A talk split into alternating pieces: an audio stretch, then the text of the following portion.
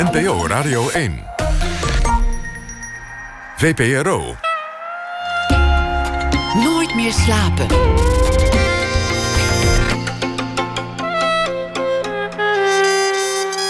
Met Elvie Tromp. Welkom bij Nooit meer slapen. Spannende tijden, want de positie van de man staat onder druk. Dat alarmerende bericht was aanleiding voor schrijver en audiokunstenaar Rashif El Kaoui om met theatermaker Lucas de Man en fotograaf Ahmed Polat uit te zoeken wat het nou eigenlijk betekent om anno nu man te zijn. Na half twee hoort u de uitkomsten daarvan in het tweede deel van de podcastreeks De Man is Lam. En komend uur zit tegenover mij, dus tot de uur of half twee, Eva Krutsen. Ze won onlangs de Harper's Bazaar Women of the Year Nieuwkomer Award. Een hele mond vol. Ze won eerder de Wim Sonneveld Publiekprijs. Is vaste speler bij het satirisch programma Clickbait en Spijkers met Koppen. En krijgt stevast jubelende recensies op haar shows. Momenteel staat ze in de theaters met haar nieuwe voorstelling Opslaan als, die het geheugen centraal stelt. Welkom Eva. Ja, wat leuk om hier te zijn. hoe, uh, hoe, hoe is het om... Uh, Woman of the Year nieuwkomer te zijn. Amazing. It's really amazing. Uh, ja. Het klinkt als een verzonnen prijs. ja, bijzonder. Dat je die zelf in je bio zet om, om dan extra ja, dat, uh, shiny te zijn. Ja, heel shiny. Heel, heel shiny en uh, nee, ja. Is het een serieuze vraag? Nee, ja, nee, ja, het, het, het, is natuurlijk heerlijk om gewaardeerd te worden voor je nee, werk. Dus, ja, dat is het eigenlijk. Maar wat is, het, wat is het voor prijs? Wat houdt het in? Nou, het was in het, het dat volgens mij. Het was, er waren een x aantal vrouwen genomineerd. Um, die allemaal op hun manier iets toevoegen aan de wereld. Of zo. Uh, dus eigenlijk uiteenlopende mensen. Eva Jinnik heeft de Women of the Year Award gewonnen. En het was ook een nieuwkomer award en die kreeg ik. Twee oh. Eva's. Mooi. Mooie avond. Ja, was leuk. Was leuk. Ja. ja. Is het dan uh, zo'n opgedirkt gedoe? Of krijg zit er nog iets aan vast? Of is het een beeldje? Of, ja, het was, het was een, het was een... Had je een speech voorbereid? ja. Neem even mee. Uh, ik neem jullie even mee. Het was in, um, in een oude kerk. Het was wel heel mooi. Het was een, een, een sterrendiner met een, ja, met een avond. En dan was dan de uitreiking. En, en uh, ja, dat, dat hele opgedirkte en, en uh, chicige. Had je het gevoel, nu ben ik er? Waar ik moet zijn? nee, nee. Nee, nee. Het was, zo, zo, zo heftig was die niet. Oké. Okay. Maar dat het was, een leuke bijkomstigheid. Het was gewoon een leuke bijkomstigheid. Het was gewoon wel. Het was leuk. En het is. En het is de. Ik denk dat het meer binnen dit vak ook. De, dat de aandacht is wel fijn. Dat het weer wordt opgepakt. Omdat ik ben nu aan het spelen met mijn nieuwe programma. En um, de zalen moeten toch op een manier vol. Dus, dus alles wat waar, als je gewaardeerd wordt en daardoor even weer in de kijkerstatus is dat handig, want dat lezen mensen weer en dat zien mensen weer. En dan kopen ze misschien een kaartje voor je voorstelling. Ja. Want je, dat is mijn ding, zeg maar. Ja, je, je wordt natuurlijk, uh, als je op het podium staat in, uh, uh, nou ja, waar ter wereld, niet alleen in Nederland, um, ook een deel van het publiek bezit. je moet interviews als dit gaan doen, mm -hmm. maar je wordt ook Woman of the Year, nieuwkomer. Um, vind je dat fijn of is dat ongemakkelijk? Um, ik vind het eigenlijk best wel uh, ongemakkelijk. Ja. Ik, tenminste, ongemakkelijk. Ik moet er gewoon wel aan wennen. Ik vind het wel. Uh, ik, ik maak met heel veel liefde theaterprogramma's. En ik, en ik word daar ook heel gelukkig van. Omdat als ik aan het spelen ben. En zeker iets wat ik zelf heb gemaakt. Dan, dan sta ik denk ik in mijn kracht of zo. Of dan in ieder geval, dat, dat, daar word ik gelukkig van. Maar ik vind het soms wel lastig, de dingen die daarbij komen. Omdat het ik, bijvoorbeeld toen ik op die Woman of the Year Award... toen ik daar was en uh, ik was daar gevraagd om een, om een nummer te zingen. En ik had een nummer uit mijn nieuwe show uh, gekozen. En ja, dat zing ik iedere avond. En dat is iets wat gewoon... Uh, waar ik niet meer heel zenuwachtig voor ben. Want dat is iets wat ik vaker doe. En op een of andere manier was ik echt gewoon... Ik stond helemaal stijf van de zenuwen toen ik daar in die kerk was. Tussen al die opgedirkte mensen. En het was opeens helemaal uit zijn context. En eh, snap je, ik was... Ik was en, en ik moest inderdaad ook naar voren komen om iets... Om, om dan een soort speech of mensen te bedanken. En ik dacht helemaal... Oh, wat, wat, wat doe ik hier? Wat, oh, dit, ik, vind het, ik vind het heel ongemakkelijk. Ja, ja. dat is grappig. Als, als het dan uit zijn context wordt getrokken... dan word ik opeens heel ja, onzeker en eh, zenuwachtig. En eh, ja, dat eigenlijk. Ja, dat is toch opvallend om te horen voor iemand die toch redelijk zelfverzekerd en ambitieus is. Die heeft gezegd: over tussen drie en vijf jaar sta ik het uh, in carré. heb ik dat gezegd? Ja, dat heb ik gezegd. Bij DWDD bedoel je. Ja. Maar dat was voor de grap, hè? Ik zei, Daarna ah. heb ik mezelf gelijk verbeterd van... nee joh, misschien over tien jaar. Nee, ik, ik, ben, ik ben zeker ambitieus en, ik ben, en uh, zelfverzekerd, ja. Uh, ik, ik weet niet of ik. Nee, ik denk niet dat ik super zelfverzekerd ben eigenlijk.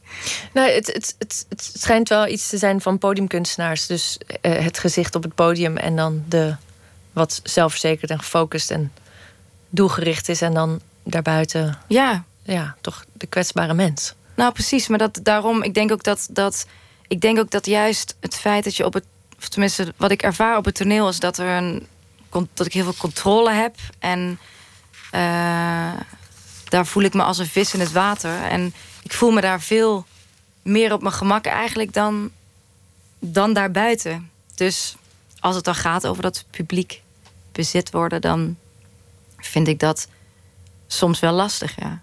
En wennen. Ja, want het is redelijk nieuw dat, uh, dat nou ja, goed, je toert eigenlijk bijna onafgebroken, kunnen we wel zeggen, met de afgelopen drie ja. jaar.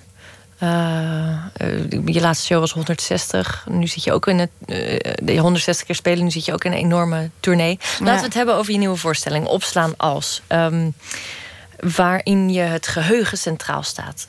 wat, wat fascineert je zo aan het geheugen?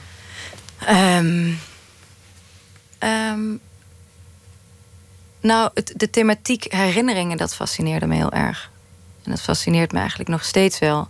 Het feit wat we ons, uh, wat we ons herinneren en hoe we ons dingen herinneren en waarom we uh, dingen vergeten. Dat was eigenlijk wat me fascineerde en waarom ik deze voorstelling wilde maken. Ben je iemand die, die hangt aan het verleden? Ja, ik denk het wel. Komt het ook voort? Ik vind het jammer, want ik, wil, ik zou het liefst uh, heel erg in het nu willen leven. En, maar ik hang denk ik wel best wel aan het verleden, ja. En wat is er dan aan het verleden? Is het dan, wat ik zelf vaak heb, is dat ik heel vaak terugga naar dingen waar ik spijt van heb. Of dingen die ik beter had kunnen doen. Dat soort spijtmomenten. Of zijn het juist de mooie herinneringen die, die je dan weer vaak bezoekt? Dat je ja, een soort, melancholiek hebt. Ja, dat. Melancholiek en weemoedigheid. Dat is het meer. Het is meer dat ik dat ik. Ja, ik kan soms echt zo dagen zo heel weemoedig, weemoedig zijn. Ja.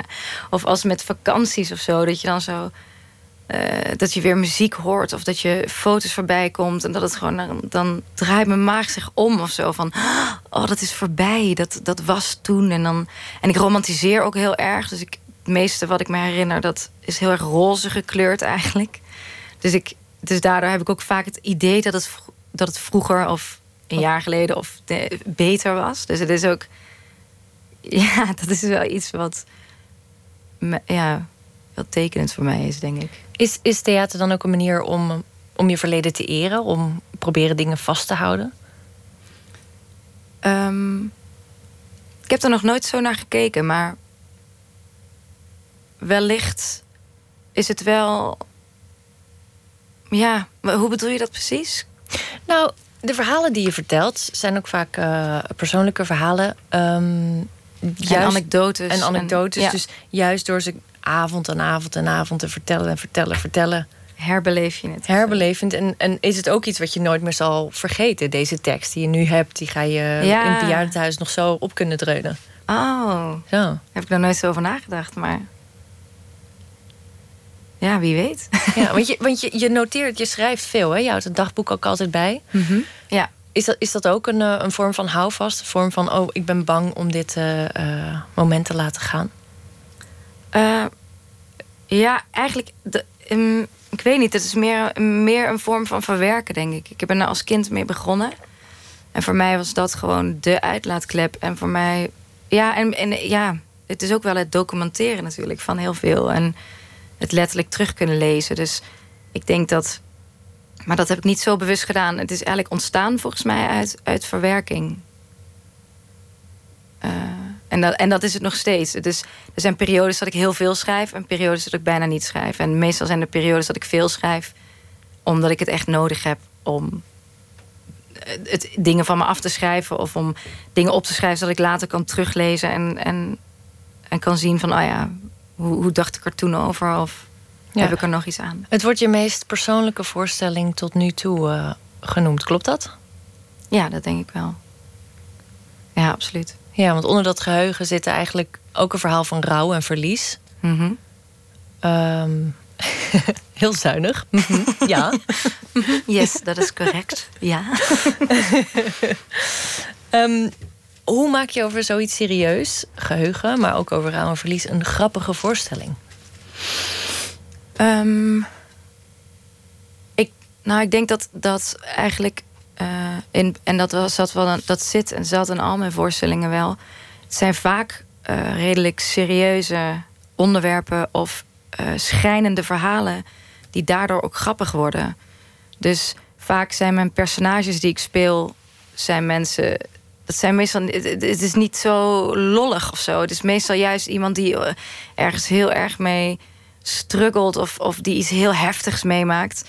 En daar kunnen we dan om lachen, omdat het relativerend is. Dus daarom denk ik ook dat mijn humor zich eerder. Het is een soort schijnende humor eerder dan dat het lollig is. En, daardoor, en ik denk dat alles wat zwaar is, dat dat juist makkelijk grappig te maken is, omdat, omdat je het kan relativeren. Ja. Ja, we zijn pas net begonnen met het interview, maar het is misschien wel goed om in ieder geval die, dat verhaal van rouw en verlies te benoemen. Uh, het gaat ook want je neemt jezelf ook als personage. Uh, ja, eigenlijk zet je centraal. Het gaat mhm. over jouw liefdesverdriet na een relatie van acht jaar. Maar het gaat ook over het verlies van je moeder toen je elf was. Ja. Ja, en, en die twee die. Die, die twee kruisen elkaar. Die kruisen elkaar. Ja. Want wat gebeurde er toen je relatie uitging? Um, nou, het, nou ja, dus hoe, in hoeverre ze kruisen is eigenlijk het, het, uh, de, de angst om, om herinneringen te verliezen en het willen behouden van, van bepaalde herinneringen. En enerzijds en aan de andere kant bijna het, de, de struggle met dat je, dat je bepaalde herinneringen juist zo kwijt zou willen, omdat het je zou helpen in, in, uh, als, je, als je veel verdriet hebt. Ik denk dat. Um, dat. Sorry, wat was je vraag? De... je, je, vroeg, nee, wat vroeg je nou? Uh... nou ja, hoe kruisen die elkaar? Ja. Die, die, die twee. Dat, dat, dat verlies ja, dat is dat enerzijds en het, en, en, en, en het uitgaan van de relatie anderzijds. En ja, dat. Ja, want je hebt het in de, in de, in de voorstelling neem je ook een soort glimps naar de toekomst. Uh, uh, waarin ja. je zegt, oké, binnenkort doen we alles op een externe harde schijf. Dat deed me ook denken, de voorstelling aan uh, Eternal Sunshine, of the Spotless Mind. Ja. Een, een, film uh, met Jim Carrey waarbij uh, de hoofdpersonage zoveel liefdesverdriet heeft dat hij zijn ge, herinneringen, ja, geheugen laat wissen, herinneringen ja. aan zijn vriendin. En dan halverwege de, het wisproces denkt hij: nee, dit is toch te mooi. Ja. ja. Heb, heb jij ook zo'n moment gehad? Je zegt nu eigenlijk in de voorstelling maak je een pleidooi van nou dit kan wel gewist worden hoor, jongens. Ja, nee, het is meer eigenlijk inderdaad die fascinatie. Het feit dat. dat, dat uh, en eigenlijk wat ik me afvraag is van ja, hoe kan het nou dat je. Uh, als je dus besluit om uh, uit elkaar te gaan. En, dan heb je daar heel veel verdriet van. En dan liggen al die mooie herinneringen, die liggen bovenop als een soort. ik weet niet of je dat herkent van, van zelf een liefdesverdriet gehad hebben. Maar je, op een of andere manier zijn al die mooie en liefdevolle herinneringen, die, die zijn er allemaal. En, en, en waarom het niet werkte of waarom je het niet meer wilde, die liggen ergens onderop. Wat is dat nou eigenlijk? En inderdaad, het gaat op een gegeven moment over een, een onderzoek wat ik had gelezen, waarin eh, hypothetisch gezien over 2000, in 2045 we een externe cloud krijgen, omdat de overkill aan informatie en aan, prikkels en uh, dat we dat op een gegeven moment niet meer aan kunnen en dat we dan een gedeelte van ons geheugen gaan uploaden naar het internet, naar en ja, eigenlijk dat ik daarover nadacht van hoe fantastisch zou dat zijn. Dat je gewoon bepaalde herinneringen kan wissen als je het moeilijk hebt. Of, maar, en daar gaat, dat is de conclusie. Maar vooral eigenlijk dat je, dat je herinneringen kan zekerstellen. Dat inderdaad toen ik, wat nou als ik die cloud had gehad toen ik elf jaar was. Dan had ik gewoon alle herinneringen aan mijn moeder had ik op kunnen slaan. En dat is eigenlijk de frustratie dat dat wat ik zo graag wil onthouden, eh, dat dat vervaagt. Dat de herinneringen aan haar vervagen. En de angst eigenlijk uh, daarvan. Daarover. Ja. Daarvoor. Ja, daarvoor. Ja. ja, als je het goed op zou slaan, dan zou je het elke dag weer kunnen bekijken. Ja, of Ja. zo. Of dan, kan je, dan, dan kan je af en toe nog weer een herinnering erbij pakken. Of, eh, het is, een herinnering kan je namelijk ook troosten. Ik bedoel, iemand is dan nog alsnog weg, maar dan kan je wel af en toe weer iets erbij pakken om, om iets levend of levendig te houden. Ja, Ehm, je, je vertelt ook in de voorstelling dat we nu veel meer eh, indrukken en eh, ervaringen verwerken dan nou, een paar generaties geleden. En inderdaad dat we dat eigenlijk niet meer aankunnen. Eh, Voel je dat zelf ook zo? Dat je, wat is het Nederlands woord, overwhelmed bent door het leven misschien? Of Nou, ik, vind, ik denk wel soms, en dat, dat ik denk wel van. Eh, weet je, het, het leven, het gaat zo snel. Er zijn zoveel prikkels, er is zoveel informatie. Er is zo'n stroom aan, aan informatie, wat de hele dag maar dat, dat hoofd ingaat, weet je wel. Van, eh, en ik doe er zelf ook aan mee. Met je telefoon, je wordt wakker en het is meteen al met je appjes en je dit en je dat. En je staat op en overal is beeld en overal is geluid. En, en dat ja, ik vind dat. Ik, ik, ik, ik vraag me dat zelf ook wel eens af. Van hoe, kan, hoe, hoe, hoe doet dat de hoofd dat allemaal? En ik moet ook zeggen dat ik zelf die. Het feit dat er zoveel burn-outs zijn op dit moment. En ik heb daar zelf ook wel eens tegen aangezeten. ehm, dat heeft daar denk ik ook mee te maken dat het, het verwerken. Het verwerken gewoon van eigenlijk alles. Niet alleen van, van de dingen die je ziet, maar ook van emoties, dingen die je voelt. Eh, er is bijna geen tijd meer om te verwerken. En ook alles is productiever. Kijk, vroeger had je ging je, ging je stampot maken en dan ging je aardappels schillen. En terwijl je aardappels aan schillen was, dan ging je een beetje nadenken over de dag of zo. Stel ik me dan zo voor. En nu koop je gewoon eh, aardappelpuree en, dan, en ondertussen eh, flans je het allemaal in elkaar. Want alles moet productief en alles moet snel. En ik denk dat, dat er weinig tijd over is om zo te mijmeren of te vervelen of te verliezen of te verwerken eigenlijk. Is, is, is daar de voorstelling ook een pleidooi voor? Ehm, Nee. Meer, meer mij? Nee. Ik heb het je niet horen zeggen, maar doe nee, maar ik het- moet zeggen, het zelf. ik, het grappige is dat, dat, ik, dat, ik, eh, dat dit gedeelte is niet in de voorstelling gekomen. Mhm. Maar dit was onderdeel van het onderzoek. Dit was ook onderdeel van mijn fascinatie over het brein. Uiteindelijk is het echt geworden de herinneringen. En, en zoals dat gaat, je bent een voorstelling aan het maken... en je hebt eigenlijk... Ik, ik heb dan meestal werk ik vanuit een kader. En binnen dat kader ga je alles opzoeken. En dit was onder andere ook iets waar ik veel over heb geschreven... en veel over heb gelezen. En, maar wat niet de voorstelling heeft gehaald. Nee. Maar je zei ook, ik heb, ik heb ook burn-out klachten gehad. Hoe manifesteerde die zich bij jou? Wanneer? Ehm, nou, eigenlijk. Weet je wat zo grappig is? Dat, het zo, ik, dat ik daar eigenlijk niet over wil praten, omdat, dat dan, eh, omdat ik dat ergens dan gênant vind of zo. En dat, eh, ik, ik weet niet dat ik die serie van Sophie zag. Wat ik daar zo goed. Ik weet niet dat. dat ehm, Wat is het? Sophie. welke serie? ehm, ja, het is Sophie Hilbrand. En het Mm. gaat over burn-outs en het Ja. gaat over. En, eh, en dit is, het is, zo, het, het is zo'n taboe onderwerp omdat het zoveel gêne oproept of zo. Omdat, omdat ergens ook het feit dat je eigenlijk toegeeft van ja, je, ik kan het gewoon niet aan. Ik kan het niet meer aan. eh, allemaal. Dat, dat is iets wat je gewoon. Wat ik tenminste heel moeilijk vond. Dus ik heb nog steeds, zeg ik, dat ik er tegenaan heb gezeten. Of, eh, want, want ja, hoe uitte zich dat? Dat ik. ehm, de overkill aan prikkels en alles. eh, gewoon heel moe en heel veel huilen en alles te veel. En op een gegeven moment dan wordt echt letterlijk alles te veel. Dan is al. eh, Dan denk je al van, dan krijg je je veters niet gestrikt. Dan denk je nu, nou, dit is. Dan ga ik helemaal in paniek. En daar, dus, dus dat, dat heb ik wel. eh, dat, dat heb ik nog vlak voor de zomer dit jaar gehad. Oké, dus je zit nu eigenlijk nog in de, in de, in de na-weeën daarvan. Dat is niet binnen een paar weken voorbij, natuurlijk.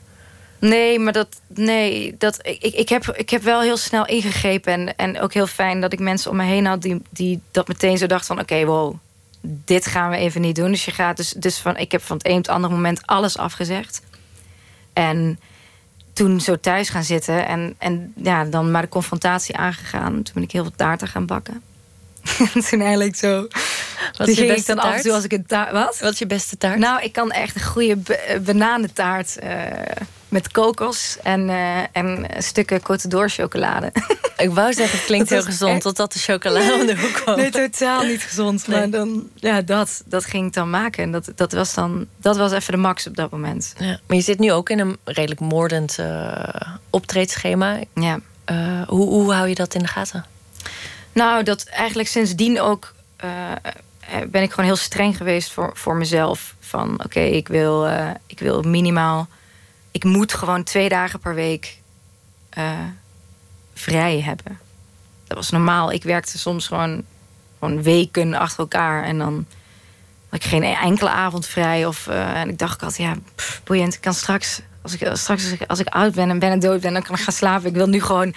Het kwam, in eerste instantie kwam het altijd wel voort uit, uit enthousiasme en overal ja op zeggen. Omdat ik dacht, ja, leuk. En dat wil ik ook doen en dat ook. En en nu is het gewoon veel strenger voor jezelf zijn. En uh, daar helpen ook wel de mensen om me heen een beetje bij. Uh, dus dan, ja, dan is het gewoon af en toe wat saaier en af en toe nee zeggen tegen dingen. Het liefst ga ik door, maar. maar en, en echt verplicht twee dagen per week uh, niet in ieder geval werken. Lijkt dus me ja. moeilijk voor iemand die zo ambitieus is. Ja, dat vind ik ook heel moeilijk. Ja. Dat vind ik ook moeilijk. Maar ja, ik weet, ik weet ook nu inmiddels wat, wat, de, wat de prijs is die je anders voor moet betalen. En eh, dat, dan kan je helemaal niks meer. Dus, dus uh, daar heb ik wel even aan geroken. Dus ik ben. Uh, dat maakt wel dat, dat je. ja, dat ik ma wat makkelijker strenger voor mezelf ben. Ik wil het even hebben over het vak van cabaretier. Je schrijft je eigen teksten en dat is niet per se gebruikelijk. Nee? Leerde ik onlangs. Nee, er zijn heel veel cabaretiers die hun teksten laten schrijven.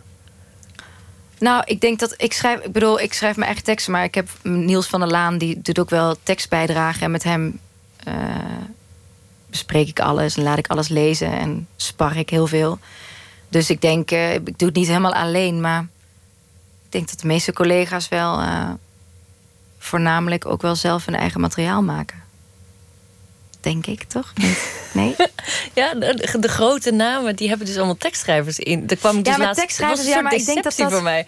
Maar ja, maar het is, maar ik denk als vals ik denk, spelen. Ik denk tekstschrijvers, weet je wel. Ik bedoel, uh, het, het is ook. Uh, dat wil niet zeggen, ik denk niet dat die grote namen dan mensen hebben die, die letterlijk alles voor ze opschrijven. Maar het is wel een proces waar als je aan het maken bent, dan is het heel fijn om met iemand samen dat te doen en, en eh, te overleggen. En, en, en soms kom je er echt zelf niet uit. En dan is het heerlijk als iemand het even op kan pakken. Of, of net die, de grap af kan maken. Of net uh, een andere ingang. Dus, dus ik denk dat, denk dat dat.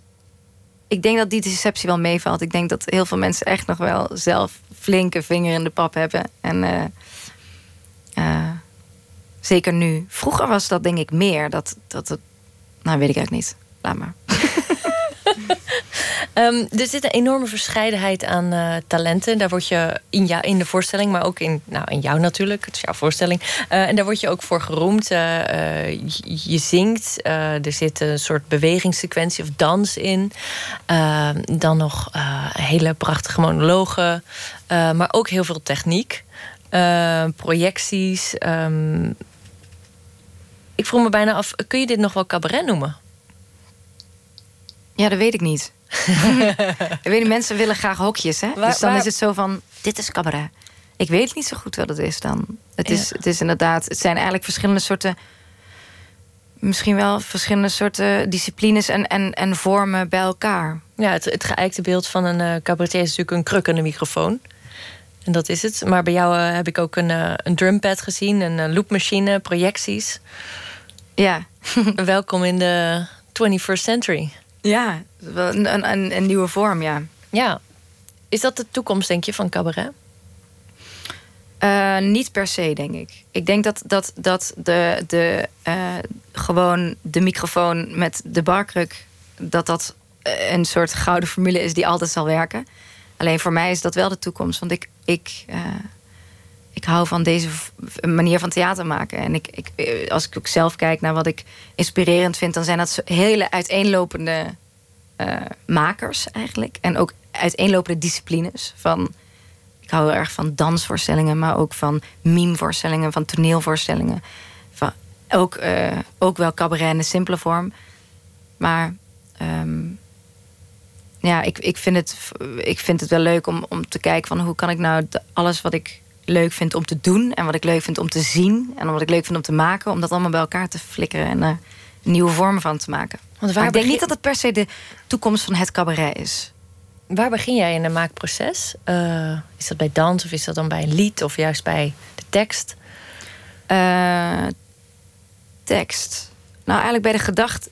Nou, kijk, bij, bij dit programma was het. Was het ik, ik ben er eigenlijk achter gekomen de afgelopen jaren dat ik, dat ik heel goed werk vanuit een kader.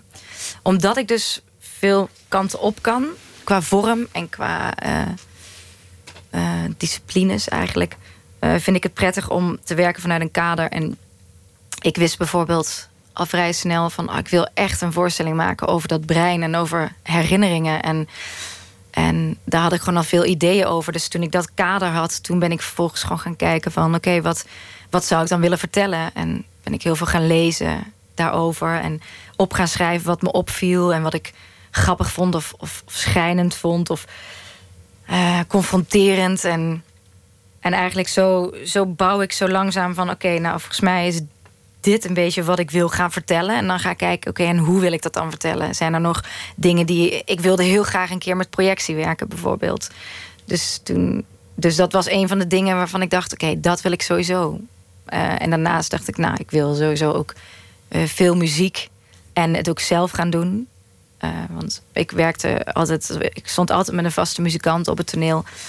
maar die had ook zijn eigen ambities en die besloot en dat te willen gaan doen. En in eerste instantie was ik in paniek, want ik dacht...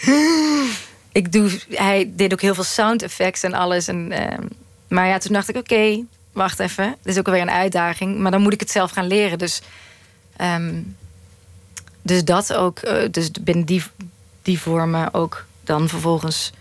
Um, mijn eigen maken en uh, dat gaan leren. En eigenlijk zo bouw, bouw, ik, dan, uh, bouw ik dan door. En de meeste cabaretiers in Nederland beginnen met die kruk en die microfoon. Uh, en, uh, nou ja, doorrookte kelderkroegjes, open micavonden. hoe hoe uh, ben jij begonnen op het pad van cabaretier?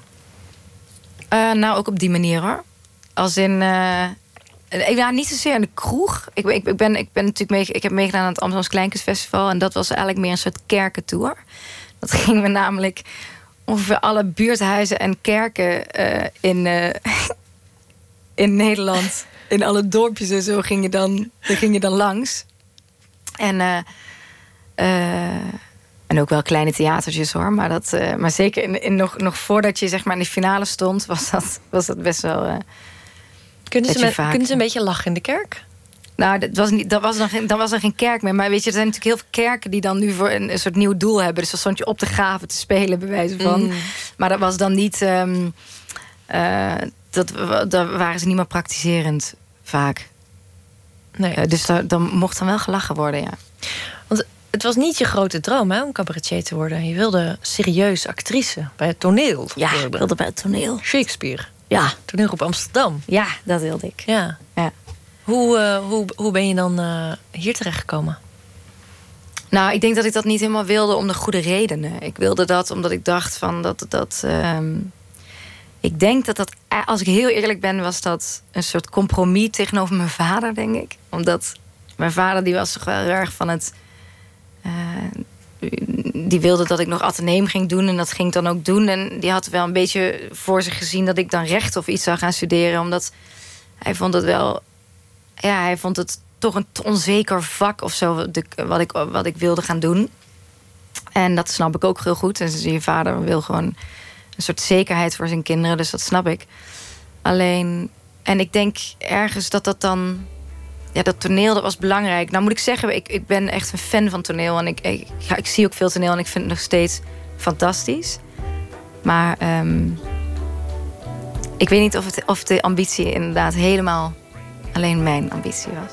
Ja, nou, we gaan hier straks nog even door over praten. We moeten heel even uit voor het nieuws. Yes. Tot zo.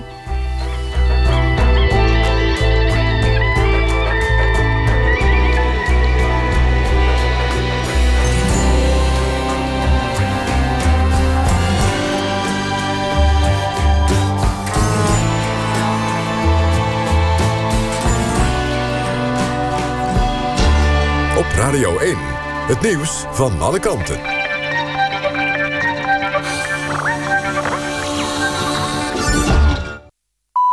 Het is 1 uur Patrick Holtkamp met het NOS-journaal.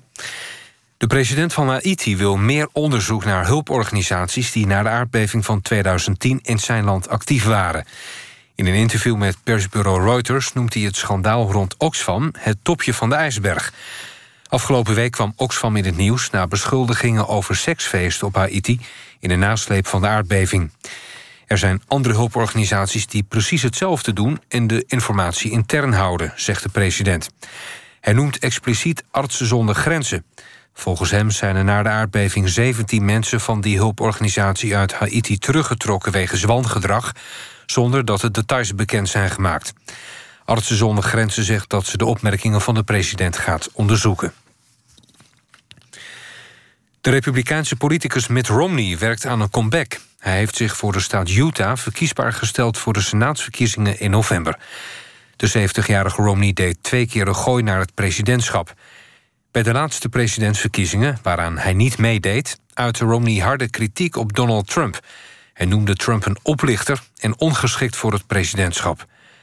De Republikeinen hebben de kleinste meerderheid in de Senaat... en kunnen zich bij belangrijke wetgeving nauwelijks dissidente leden veroorloven. De opstelling van Romney kan daarom cruciaal zijn voor president Trump. De nieuwe Zuid-Afrikaanse president Ramaphosa heeft in zijn eerste toespraak gezegd dat de herverdeling van land zou worden versneld. Desnoods zou land zonder compensatie van witte boeren worden afgenomen, zei hij. Maar alleen als dat leidt tot meer voedselproductie. De ongelijke verdeling van land is een erfenis van de apartheid in Zuid-Afrika. Het weer. De bewolking neemt toe en de wind neemt verder af. Minimaal vannacht rond het vriespunt. Overdag rustig weer met geregeld zon en weinig wind. Het wordt een graad of 7. Dit was het NOS Journaal. NPO Radio 1. VPRO. Nooit meer slapen.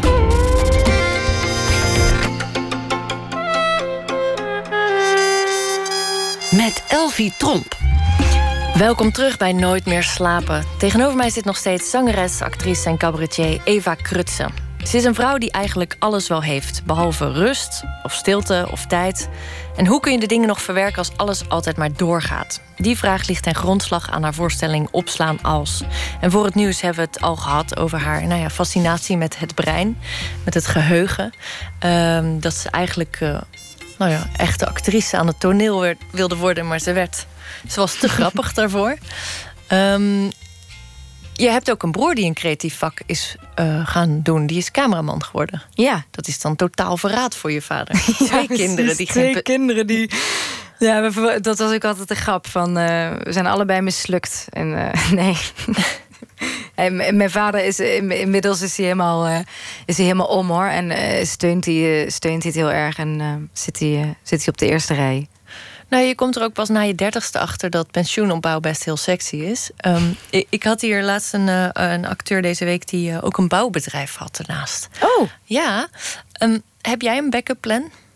Als dit, als, dit, als dit, niet lukt? Of, of de volgende voorstelling breek je ruggenwervels? Oh nee, nee, wat erg. Nee, ik heb, dat, ik heb, ik heb eigenlijk geen. Uh, nee, ik heb geen, ik heb geen backup plan. Nee. nee, ik ga hier maar gewoon voor. En als het dan niet lukt, dan komt er weer iets anders. Hetzelfde met verzekering. Ik hou, ik hou niet van verzekeringen ook. Oh nee, ben je niet verzekerd? Ja, ik ben verzekerd, maar ik bedoel, kijk... de land Ja, zeker. Nou, maar dat vond ik dus, daar heb ik laatst over gelezen. En toen dacht ik, oh ja, dus... Je hebt inderdaad mensen die alles verzekeren. Van, van een fiets tot, tot, tot, tot uh, alle spullen en dingen. En ja, ik weet niet, ik heb dat nooit echt gehad. Ik denk altijd, ja, dan zie ik het dan wel weer. Maar het is wel, uh, ik moet daar op een dag wel over na gaan denken, ja. Want... Klinkt toch alsof je aardig in het hier en nu leeft. Ja, dan, dat dan weer wel, hè? Dat dan weer wel. Dat dan ja, wel. zo slecht yes, gaat het helemaal niet meer. Working on it. um, je werk wordt ook al cartoonesk genoemd. Uh, je doet veel sound effects erin. Um, er zit een, uh, een spionagescène in die erg veel weg heeft van een kinderserie. Deed mij denken aan Cartoon Network. Oh ja. Um, was je een tv-kind? Ja, zeker. Wat keek je? Oh, uh, nou, ja, ook wel veel van die tekenfilms en zo. Maar, want, want dat is natuurlijk dat echt dat, dat cartoon. Uh, nou ja, als kind keek ik keek meer naar Madelief en zo. En, en uh, Oh, de kwaliteitsdrama-series voor kinderen. Ja, Ja, Krassen, dat, dat was van helemaal eh, fantastisch. Guus, Guus Wolkers verfilming van eh Krassen in het tafelblad Margriet. Of hoe heet het nou? Madelief. Madelief, ja. Ja, een heel eh, brutaal meisje ook. Ja. Nee, maar dat, dat, ja, dat cartooneske, ja, ik weet niet zo goed waar, waar ik dat dan... Ik heb ooit een keer een, een, eh, eh, een serie gedaan ehm, voor schooltv. En toen was ik een soort personage, rekenroos. En ik deed dan allemaal rekenen op locatie en een soort... zo, Met dat soort sounds. En toen kwamen ze erachter dat ik dat ik alles wat ik opnam, dat ik alle sound effects die ze eigenlijk eronder wilden gaan leggen, dat ik die altijd al deed terwijl ik aan het praten was. Dus dan deed ik allemaal dat soort geluiden. En daar hebben ze toen ook een bandje voor mij voor gemaakt. Zo van, oké, dit zijn jouw eigen sound effects. Die hebben we allemaal eronder gelegd. Maar dus dat, daar is het eigenlijk ontstaan. Dat ik, ehm, dat ik, dat, dat ik daar iets mee... eh, dat, dat, dat, ja... Eh, dat deed ik van, van nature. En eigenlijk toen ik dus cabaret ging maken... toen, ja, ik hoorde ook allemaal soundjes overal onder. En, en ik ging toen met Jerry Bloem... De, de vaste muzikant waar ik het al eerder over had... eh, die is ook een meester in soundjes en underscores. En dus we konden helemaal onze lol op met alles opnemen. En, en eh, overal dachten we, oh wacht, hier kunnen we nog... Als je je schoenen weggooit, moeten we een bowlingbaan. Of, oh hier, weet je wel, dus, eh, op die manier... ehm, is uiteindelijk zijn al mijn cabaretprogramma's heel veel met, met sound effects geworden. Ja. Ik vond het wel ook. Ja, ik, vraag, ik ga nog even door op, op de toekomst van het theater. Want ik, er zaten opvallend veel dertigers in de zaal. Ik zit regelmatig in het theater. En ik, ik vond een heel uitgesproken jong publiek waar ik tussen zat. Dat, Oh. dat komt niet vaak voor. Nee. Dus ik dacht, wat, wat is het dat, dat zo aansprekend is voor dat jonge publiek? Is dat, is dat die referenties aan de cartoonwereld? Of Nou, wat leuk, want, want, want ik, eh, dat, eh, zo vaak is dat niet hoor. Het is heel moeilijk om, eh, om dertigers, of zeg maar tussen 25 en, en, en 45, eh, naar theater te krijgen. ja, die zijn heel druk bezig met drinken. Nou, ja, drinken en kinderen, kinderen krijgen. En eh, ik snap wel waar ze druk mee zijn. Dus, maar dat, dat, dat vind ik soms wel jammer. Want, eh, maar inderdaad, je was in Amsterdam. En daar, in, in, in de steden is dat dan wel al wat, eh, wat meer. Dat het ook jong publiek is. Ehm, waarom, het, waarom het leuk voor hen is, was je vraag. hè? Ja, Ehm, nou, ik denk dat het ook wel een generatieding zal zijn. Dat, het, dat, het, dat veel van de onderwerpen die ik, waar ik over vertel, dat het dat ze aanspreekt. Maar ik denk toch ook wel dat. Het is niet per se voor, voor, voor dertigers gemaakt of zo. Ik vind het ook niet echt een generatievoorstelling van. Oh ja, je moet echt dertig zijn om het leuk te vinden. Ik, hoor juist ook vaak oudere mensen die, ehm, die het een leuke, leuke voorstelling vinden. Ehm, maar ja, dat, was, dat is wel fijn. Ja, dat, dat, eh, dat, dat ze ook nog naar theater komen. De dertigers. ja. Ehm, je hebt een musicalopleiding gedaan. Ja. Ook een opvallende keuze voor iemand die eigenlijk dan nou, serieus theater wilde doen. En dan nu cabaret gaan doen. Ja. Oh, oh. Hoe- nou, dat was eigenlijk. dat? Dat? was eigenlijk meer een soort van. Ik was, ik was eh, jong dat ik al wist van oké, ik dat wilde gaan doen. En ik was ook jong dat ik weg wilde uit Maastricht. Een soort van. Ik had heel snel zoiets van ik moet naar Amsterdam, want daar is het allemaal, daar gaat het gebeuren. Er was wel internet, maar dat was de websites en zo. Dat was nog niet. Dat was. Ik ging gewoon googlen. En dan was er gewoon wat vond ik leuk: zang, dans en acteren. En dan kwam er een paar. Dan kwam je bij de Kleinkunstacademie, bij eh Frank Sanders Academie en bij Lucia Martas uit. Nou, bij alle drie heb ik auditie gedaan. Ook bij Lucia Martas, wat eigenlijk meer een dansacademie is. Maar ja, weet ik veel. Ik was gewoon jong meisje uit Lim- Limburg. En eh, toen ik daar was, dacht ik al wel. Hmm, al deze mensen kunnen hun benen in hun nek leggen en ik niet. Eh, ben ik hier op het juiste adres? Maar ehm, ik, ik, ik was bij Frank Sanders had ik auditie gedaan en bij de Kleinkunstacademie. En ik was bij Frank Sanders al bijna aangenomen. En bij de Kleinkunst moest ik nog, was ik al wel door de eerste twee rondes heen, maar moest ik nog allemaal weekenden doen en dingen. En dan kon ik de Frank Sanders weer niet doen, de laatste audities. Dus toen was het zo van, ja, ik moet nu een keuze maken. Toen dacht ik, nou, dan ga ik naar Frank Sanders. Want dan- ben ik, weet ik in ieder geval dat ik eh, na de zomer gewoon richting Amsterdam kan. Heb je ooit overwogen, My Fair Lady? Een musical? Nee, Ja. nee, nee. Nee, nee, nee. Ik, ben- nee, ik, ik, Maar je eh, gooit het er zo uit. Je, de- er zit een, eh, een jazzstandaard in die je zingt. eh, nou, een soort heavy metal nummer doe je heel even kort. Ehm, nou ja, maar, dat, maar ja, ik, dus ik vind het wel leuk om het, om, om, er, om, er, eh, om het een beetje belachelijk te maken of zo. Maar echt, maar echt ik, ik ben niet zo'n fan van musical op een of andere manier. Ik, ik vind het niet zo. Ik weet niet, nieuwe musicals wel, als ze echt nieuw worden geschreven. En, maar, maar al die Joop van de Ende, eh, alle eh, tekenfilms en dan daar de, die, musicals. Nee, het is gewoon niet, niet zo mijn ding. Ik vind het niet zo. Ehm, het is niet, vind, ik vind het gewoon niet zo super inspirerend om, om erheen te gaan en dan zeer zeker niet om erin te staan. En, en daarbij, ik wilde. Ik was echt een maker al op de opleiding, maakte ik mijn eigen voorstellingen. Dus het was sowieso voor mij niet een optie om echt auditie te gaan doen ehm, bij een musical. Hoe, hoe is het uh, cabaretklimaat? Uh, je woont nu al nou ja, jaren in Amsterdam. Uh, is er veel onderlinge verbondenheid of is het toch meer een soort krabbenmand? Um, nou, ik denk dat er wel, dat er wel verbondenheid is. Ik heb, wel, ik heb een hele goede band met mijn collega's. En, Maar je collega's zijn ook je concurrenten natuurlijk. Ja, dat weet ik niet of dat zo... Ja, ja en nee. Ik denk dat er, er is altijd genoeg voor iedereen. Uh, uh, dat klinkt heel, heel zijig. Maar ik geloof daar eigenlijk wel echt in. Ik geloof niet zo in dat, in het, uh, in het ellebogenwerk. Dat, ik denk, als je goed bent, doe je gewoon je ding. En, en dan heb je ook respect voor elkaar. En dan, en dan deel je het ook met elkaar. Nou ja, het, het, het, is, het is natuurlijk tien jaar geleden was uh, uh, musical en cabaret waren de twee genres die altijd stevast uitverkocht waren. Ja. En dat is nu ook niet meer zo. Nee. Staat steeds minder podia en uh, nou ja, steeds minder publiek ook. Ja. Maak jij je daar zorgen om? nog niet. Nee, ja, nee, maar nee, niet echt. Maar ik, ik, mag dan misschien ook niet zeiken, want het gaat heel goed. dus dan is het ook een beetje, een beetje makkelijk praten. Maar uh, nee, dus ik maak me er op dit moment uh, geen, geen zorgen om. Ja, fijn. In de voorstelling heb je het ook over EMDR, een hypnomethode... waarbij je nare herinneringen op een minder nare manier opnieuw opslaat. Heb je daar zelf ervaring mee? Ja. Ja, ik heb dat gedaan, ja. Ja, hoe, hoe, je maakt het belachelijk. Er is een personage die dat... Ja. Ha, had jij er baat bij? Ja, ik had er wel baat bij, ja. Ik vind het ook een fantastische trauma, traumaverwerking, EMDR. Echt waar? Ja. Ik had daar niet na de Heb show dat ik dacht... nou, dit lijkt me nou een goede techniek. Nee, maar dat hoeft, het is ook geen reclame. Het, het ging ook niet zozeer... Het, over, over het EMDR, dat is meer het personage wat. Want ze zegt ook: ik ben geen. Uh, hè, EMDR wordt vaak gedaan door erkend. Het is heel belangrijk dat het gedaan wordt door een erkend psycholoog. Anders is er kans op, te her, op hertraumatiseren.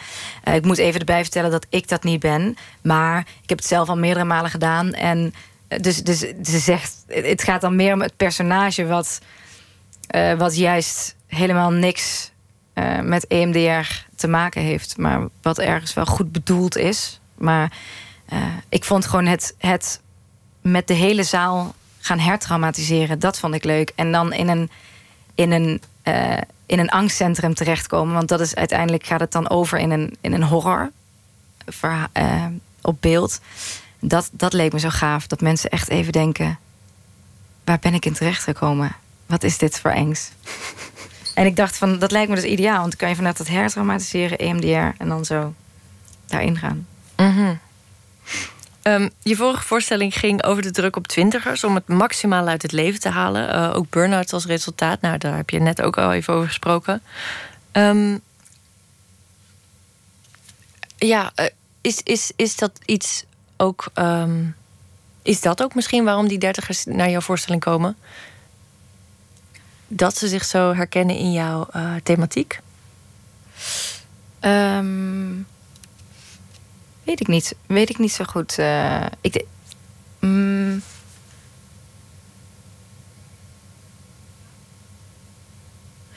Ik vind het zo leuk dat het nu lijkt alsof er heel veel, heel veel dertigers altijd naar mijn programma nee, komen. Het is ook moeilijk om, moeilijke vraag, want je kiest natuurlijk niet je publiek. Je nee, maakt kies wat je niet wil je publiek. maken. Ik maak gewoon wat ik wil maken. En er en, komen en mensen vind op het, af die het leuk vinden. Ja, en, ja, en, is eigenlijk is dat, is dat, zijn, dat, zijn dat alle, alle leeftijden wel. Um, dus... Uh, ja. Dus nee, nee, dat. dat uh, maar, maar de thematiek zal wel. Wat je natuurlijk wel vaak hoort, is dat. Uh, omdat het ook een tijdsgeest. En zeker, dit ging volgens mij over mijn eerste programma Bank zitten. Over het letterlijk van aan de kant zitten of meedoen in, in de hysterie van. op het veld eigenlijk. En Eh, daar waren wel veel referenties aan. Eh, dus dat je dus in, in die, die, ja, in, in die twintiger jaren.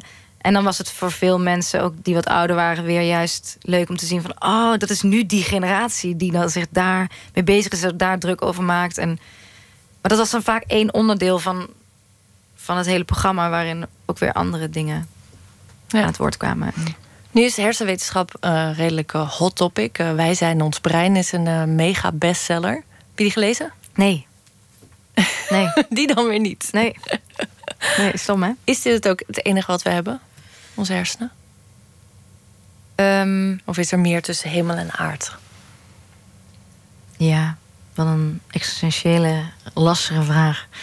Ehm, ik denk dat. Ah, ik hoop dat er meer is. En ik geloof wel in een soort van energie. Ehm, maar ik vrees. En wat bedoel je met Dat- een soort energie? Ja, doe bedoel ik daarmee? Ehm, Geloof je in reïncarnatie? nee. Oké, dus die energie kunnen we eraf schrappen. Ja.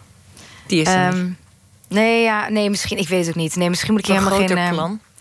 Nee, ook niet. Nee, nee, nee, ook niet. Daarom, weet je, ik, ik weet, eh, ik kan er meteen zeggen dat ik, dat ik er eh, te weinig vanaf weet en te weinig mee bezig ben om er echt iets zinnigs over te zeggen. Ik weet niet zo goed of ik geloof. Ik, ik zou zo graag willen dat er meer zou zijn. Je bent Ehm, katholiek opgevoed, toch? Ja, Ja. Was dat all-out met eh, dopen en ceremonies? ja. Ja, heb je het... Ja, ja. Kijk, opa en oma waren echt all out. En dan zo, papa en mama waren, nou ja, niet echt meer.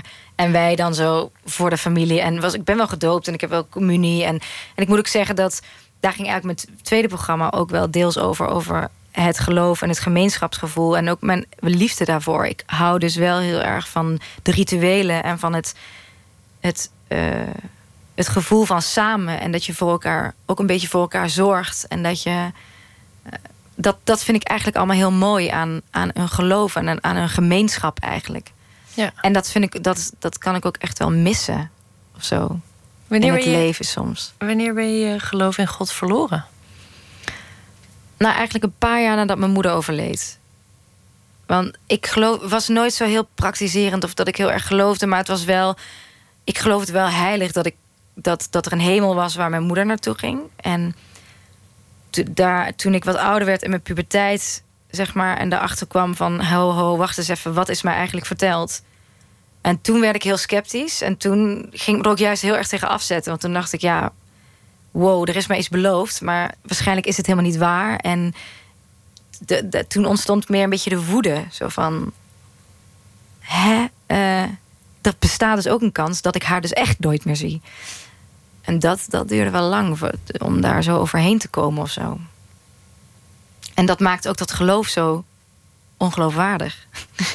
En belangrijk. Ook belangrijk. Want het is niet zo van je gelooft of je gelooft niet. Of ja, misschien is het er of misschien is het er niet. Nee, als je, als het, als je wel of niet weer je moeder gaat zien, dan is dat heel belangrijk. Dus daarvoor was het, daarvoor, daarvoor was het voor mij ook heel belangrijk.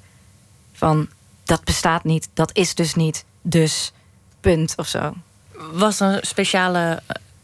Herinner je nog een moment? Herinner je nog een moment? We hebben het heel veel over herinneringen. eh, dat je dacht: wacht, maar God bestaat niet? Of dit is allemaal bedacht? Ehm, Of kwam dat, was dat meer een soort voortschrijdend inzicht of angst? Ja, het, is meer, het was meer een soort van. Je wil natuurlijk ook zo graag geloven. Mijn moeder, die, toen ik negen was, werd mijn moeder al ziek. En dan, is, dan ga je al een proces in van afscheid. En dan grijp je gewoon alles aan om dat uit te stellen. En dus ik ging toen juist heel erg wel geloven. En, eh, en ja, op een gegeven moment dan ik weet niet, dan geef je het op. Of dan, dan komt de realiteit om de hoek kijken. Of dan ben je oud genoeg om. Ja, dan kom je er gewoon achter dat het ook misschien wel niet zo, zo kan zijn. En als dat eenmaal eh, er is en je die confrontatie aangaat, dan. Ja, toen was het redelijk snel klaar. Met de fabel. Ja. Met het fabeltje, in ieder geval het fabeltje van de hemel en mijn moeder opnieuw zien. Dat. Ik, eh, ik ben zelf ook eh, katholiek opgevoed. ehm, en voor mij was God, die altijd meekeep, eigenlijk mijn eerste publiek. Oh ja? Ja. Oh, wat grappig. Ja. Ja, dat kan ik me wel voorstellen. Maar was het voor je dat niet eng dan? Had je, dus je had, je, je, je had altijd zoiets van, hij kijkt altijd mee. Voelde je dan niet in je puberteit of zo? Heel veel schaamte natuurlijk. Heel veel schaamte, ja. schuldgevoel. Ja. Maar ook, wat ben ik nu saai? Ik moet hem entertainen. Oh ja? Ja. Dat is dan wel mooi, toch? Dan, dat, is, eh, dat, dat heeft toch... eh, Ja, hij lachte nooit hard genoeg. Dus ik wist nooit of hij nou echt leuk vond wat ik uitspookte. doodeng dat zo uit de hemel zo... uit de hemel zou komen. Oh, ja. Ja. Eh, je- je, zegt dat je die verbondenheid van de katholieke kerk mist. Was het dan ook dat jullie elke zondag gingen naar de kerk? Met... Nee, Nee, dat niet. nee. Alleen met kerst?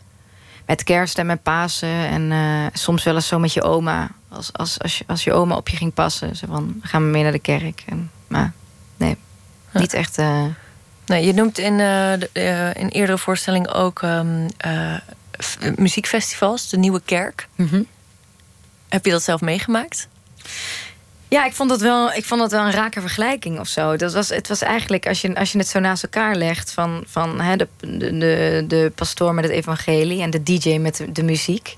eh, tegenover de DJ met muziek... en de, de kaders van de kerk, de muren van de kerk... en de, en de hekken van het festivalterrein. Het, het eigenlijk eventjes in zo'n wereld stappen... waarin je één bent, waarin je allemaal dat bandje om hebt... en even besluit om alleen maar daar te zijn met elkaar. En je hebt ervoor gekozen om daar te zijn. En dat, dat, dat gemeenschapsgevoel, dat, dat vond ik wel een vergelijking met, de, met ja, een soort nieuw geloof bijna. Voel je jezelf ook veel een buitenstaander?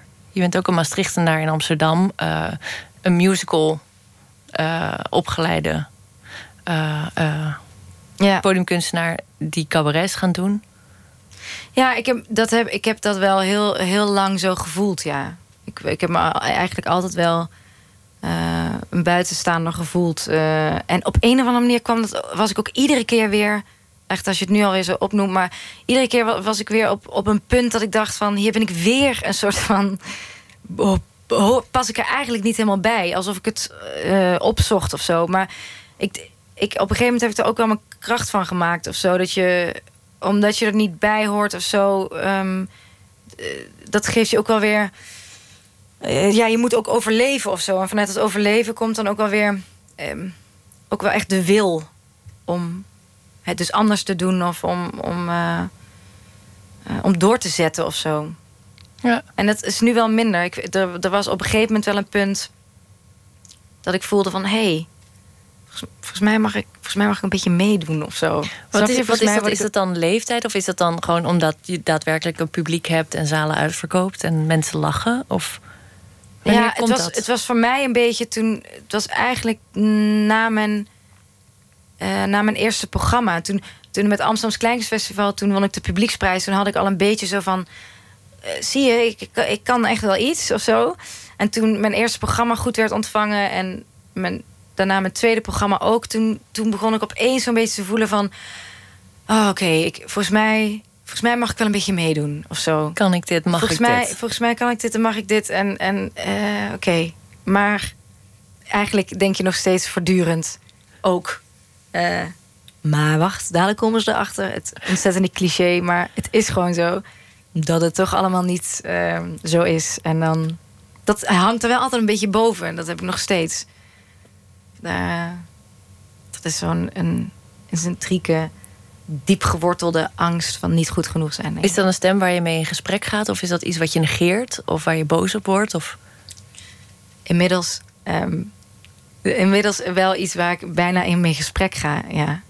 Waarbij ik gewoon kan zeggen. En, en dan ook, ik denk dat, dat wat mij heel erg helpt, is om de dingen wat gewoon te accepteren. Dus als ik, als ik bijvoorbeeld de eh, dingen voel opkomen van, van angst of van ja, eh, denk me niet dat je iets voorstelt. Of gewoon even denk, oké, je mag er even zijn. En ik luister er even naar. En het klinkt schizofreen dit. Maar, de, maar in ieder geval proberen te accepteren dat, al, dat dat er ook allemaal bij hoort. Net zoals je ook wel eens in de spiegel kijkt en denkt... je bent de shit.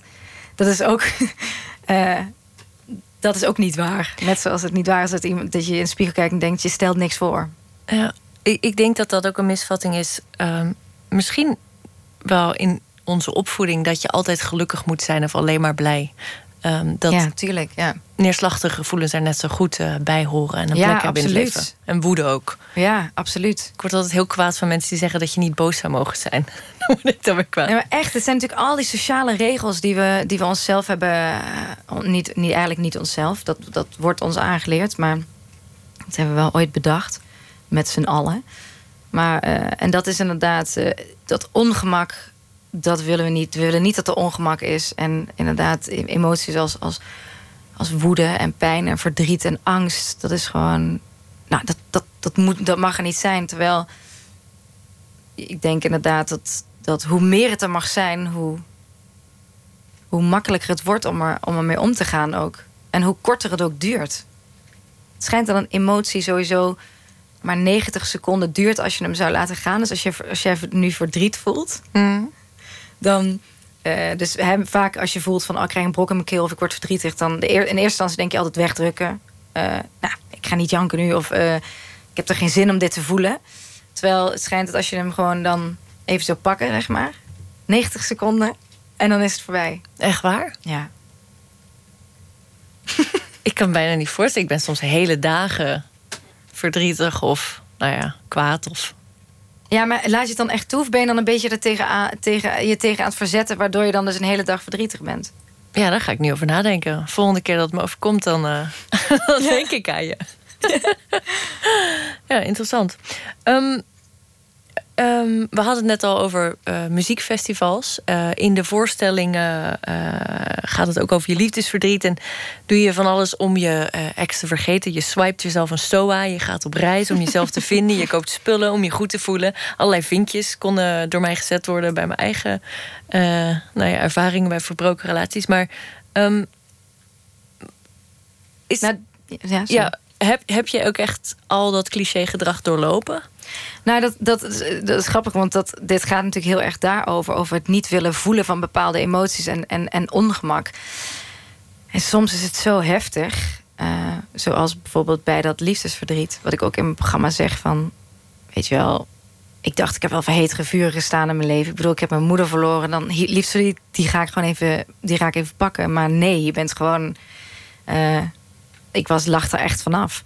En, en toen kwam ik wel, ja, ik verviel wel in heel veel clichés, ja. Dat ik, je gaat ook toch wel verdoven. En, en ik merkte toch dat als ik iets ging kopen, dat ik me, ja, dat gaf gewoon een lekker gevoel. En ik dacht ook, ja, ik vond mezelf ook momenten zo zielig dat ik ook dacht, oh heerlijk, dan ik gun mezelf dit. Wat is en, het domste dat je hebt gekocht? Ehm, het domste dat ik heb gekocht. Oh, ik kan even zo niks bedenken. Ik heb zoveel domme dingen gekocht. Maar, maar ik weet nog, maar wat ik op een gegeven moment mezelf had aangeleerd, dat was wel, dit klinkt echt zo dom, maar dan ging ik bijvoorbeeld naar de Hema of naar de Ikea of naar de Xenos, of in ieder geval een winkel waarbij ik dacht, ik koop dan nu maar in ieder geval dingen zoals kaarsen of beddengoed, want dat, want dat is dan, eh, dat is dan handig. En dan is het niet zo zonde. Want eh, het gaat eigenlijk alleen maar om het gevoel van iets. Van jezelf belonen met iets, want je voelt je ellendig. Dus toen dacht ik, ja, dan Koop ik gewoon praktische spullen. praktische spullen. Want dan, dan, dat is dan, eh, dan ga ik er ook nog echt iets mee doen. In plaats van, weet ik veel, een of ander hip leren jasje. Waar, waar- waarvan je na een week alweer denkt... In wat voor staat van zijn was ik toen? Ik draag dat leren jasje nog steeds met heel veel plezier, dankjewel. Ehm er zit een redelijk weergaloze eh dronkenmanscène ook in de voorstelling. Eh, ben je zelf een flinke innemer? Ehm, nee. Maar ik denk dat als al mijn vrienden nu luisteren, eh, ze denken van wel. Nee, ik kan wel goed. Ik kan wel, ik kan wel een lekker drankje drinken, ja. Maar ik moet zeggen, ik ben een stuk rustiger geworden. En drugs? Ehm, op zijn tijd. Ja, want Vind ik wel lekker, ja. als je de kerken en de eh, festivals eh, als één kan zien, dan, dan denk ik, dan moeten er wel geestverruimende middelen bij. Nou, dat hoeft niet per se. En ik, ik, ik, ik ben geen groot gebruiker, maar ik vind het wel. Ik vind het wel. eh, ik vind het wel heel leuk om dat af en toe te doen. Bijvoorbeeld ecstasy vind ik wel iets wat. vind ik echt geestverruimend. En vind ik ook. ik weet niet dat, dat. Als ik dat één keer in de zoveel maanden doe, dan. Ik ben dat trouwens pas drie jaar geleden heb ik dat pas ontdekt. Veel te laat. Nee. Maar als ik dat één keer in de, in de zoveel maanden doe, dan, dan ja, ik vind dat wel geestverruimend. Dat heeft wel een enorme impact ook op je geheugen. En op je herinneringen. Ja? Hoe bedoel je? Nou, dat, dat je de wereld heel anders ervaart. Als je dat neemt. Ja, veel intenser. Ik vind het juist heel verruimend en uh, geestverruimend. Want, want het, dat is er dus, hè. Dus alles is gewoon, alles staat op scherp. En, alle, en, maar je kan, je kan nog, ik kan nog twee, ik kan nog weken daarna bijna dat gevoel terughalen. als ik me nu echt zou concentreren en helemaal in zou gaan, dan kan je weer. En ik vond dat gewoon zo'n, zeker de eerste ervaring, dat je voor het eerst zo je huid voelt. En ja, ik vond dat, ik vond dat meesterlijk. Bijna spirituele ervaring. Ja. ja. In de voorstelling heb je het ook over je angst om je voor te planten. Um, ja.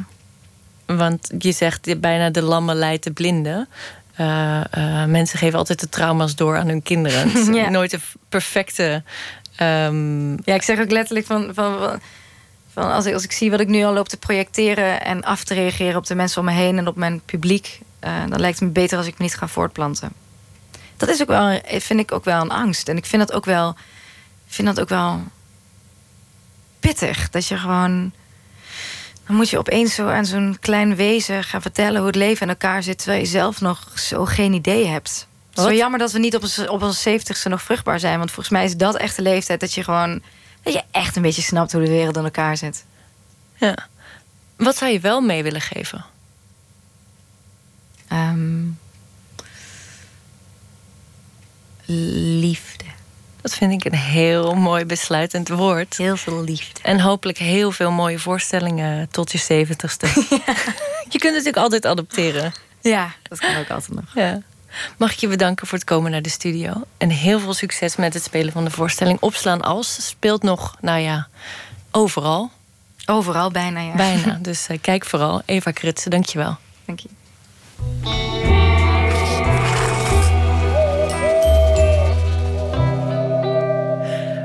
We moeten nog heel even geduld hebben voordat het derde album van het Schotse trio Young Fathers volgende maand verschijnt. Maar in de tussentijd luisteren we alvast naar In My View.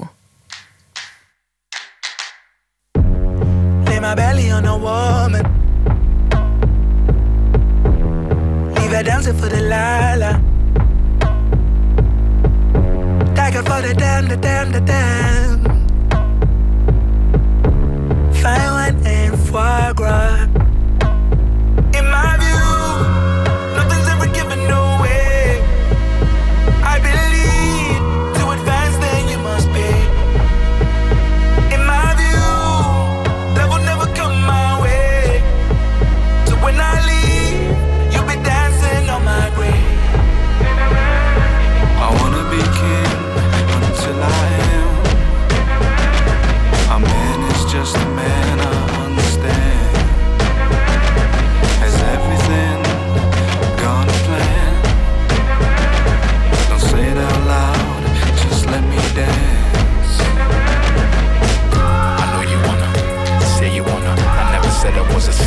and again, sen again, and then I sin again, again, again, again. I really wanna take your honor. I'm writing blank checks, I'm a greedy bugger. I take your daughter to feel the thunder. Daddy's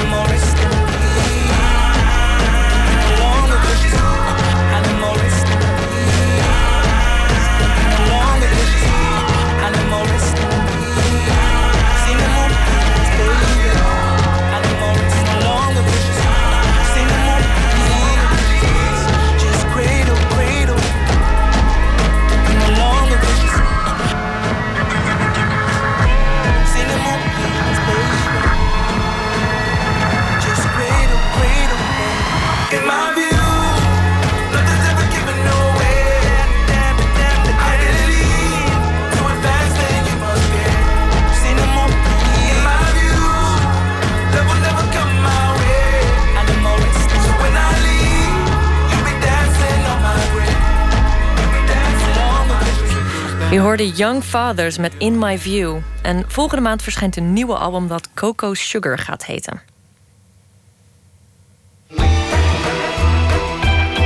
Nooit meer slapen. Vorige maand hoorde je al de eerste aflevering van De Man is Lam. Een serie waarin Rashif El Kaoui op zoek gaat naar wat het betekent om man te zijn in de 21ste eeuw. Vorige keer vertelden verschillende mannen over het moment waarop ze zich voor het eerst man voelden. En deze keer gaat Rashif op zoek naar wat meer feitelijke onderbouwing.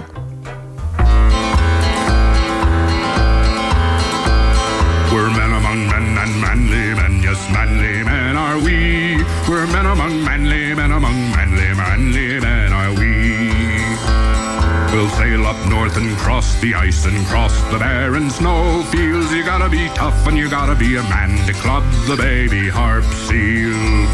To club the baby harp seal. Dat was Greg Keeler met Manly Men van zijn album Nuclear Dioxin Queen. Hallo en welkom bij de Man Islam podcast. Mijn naam is Rashid El Kawi en ik zal u de komende afleveringen meenemen op mijn zoektocht naar man zijn en naar wat dat in godsnaam hoort te betekenen. In de vorige aflevering kon u horen wanneer mannen zich voor de eerste keer man voelden. Deze aflevering ontmoeten we Lauk Woltering, mannenwetenschapper, docent en last time he checked ook nog man. Want laten we even stilstaan bij de geschiedschrijving. Staat u stil? Goed. Voor de 20e eeuw waren het uitsluitend machtige, meestal blanke mannen die dat deden. Door de eeuwen heen werd mannelijkheid gezien als iets natuurlijks, terwijl al de rest problematisch was.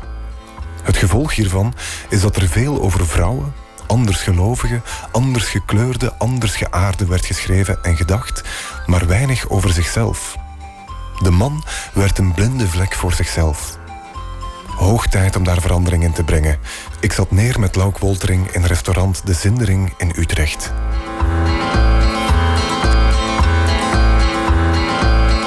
Geboren in 47. Ik was jongetje in de jaren 50. Bijzonder speels, heftig, heftig jong. Maar, maar ik zag die mannen om me heen en dat vond ik enge wezens. Dat waren mannen met hoeden en boeken met geperste pijpen... en broekomslagen en courbertjes en jassen en dassen. Het was een goed gezin, een uh, artsengezin met zeven kinderen, katholiek. Dus het was een groot gezin. En ik was een heftig jong. Uh, deels omdat ik uh, vrij snel na mijn geboorte heb ik een verbranding gehad. Kookt water over me heen getrokken. Vader en moeder waren er niet. Kindermeisje rennen in paniek de straat op. 1948. Die weet niet van, wat moet ik en dergelijke. Dus s'avonds kwam mijn vader arts thuis. En zag een babytje van, een peutertje van 11 maanden... op de grond in een plas water liggen koud. Hij kon geen hart meer voelen. De temperatuur was laag. En ze brachten me naar het ziekenhuis. Al waar de dienstdoende chirurg de dood constateerde. But you only live twice. Ik lag in het lijkenzaaltje met zo'n ticket aan, aan, aan mijn teen... die, die daar, daar toen overleden. En s'avonds komt er een leerlingverpleegster langs het lijkenzaaltje... en dan schreeuwt een kind. Ik zeg, verdomd, hij leeft nog. Nou, snel opereren, ouders bellen, zuurstof, tap, tap, tap, tap, tap. Uiteindelijk, onkruid vergaat niet, dus... Ik ben boven, maar ik had daardoor wel een getroubleerde jeugd. Uh, ik vond die mannelijkheid om me heen... Mijn vader was een prima vent, maar het waren afstandelijke, afstrale goden... waar ik geen verbinding mee had. Dus ik wilde eigenlijk geen man worden. In de jaren 60, eind jaren 60, begin jaren 70... toen kwam de vrouwenbeweging op. En dat vond ik terecht. Ook gewoon schitterend. ik had helemaal geen, geen enkel idee van... Uh, wordt meest afgepakt of zo. Wat veel mannen wel dachten. De man staat op bij het ochtendgloren. Of kort daarna. In de winter het liefst voor zonsopgang. Hij begint zijn dag best met een snelle wassing van het gehele lichaam met koud water. Gebruikmakend van een spons of de handen om het water over het gehele lijf te wrijven. Dan een ruwe handdoek om droog te deppen. Daarna de haarhandschoenen, de vleesborstel of eender wat anders om frictie te veroorzaken. Totdat de gehele huid rood gloeit.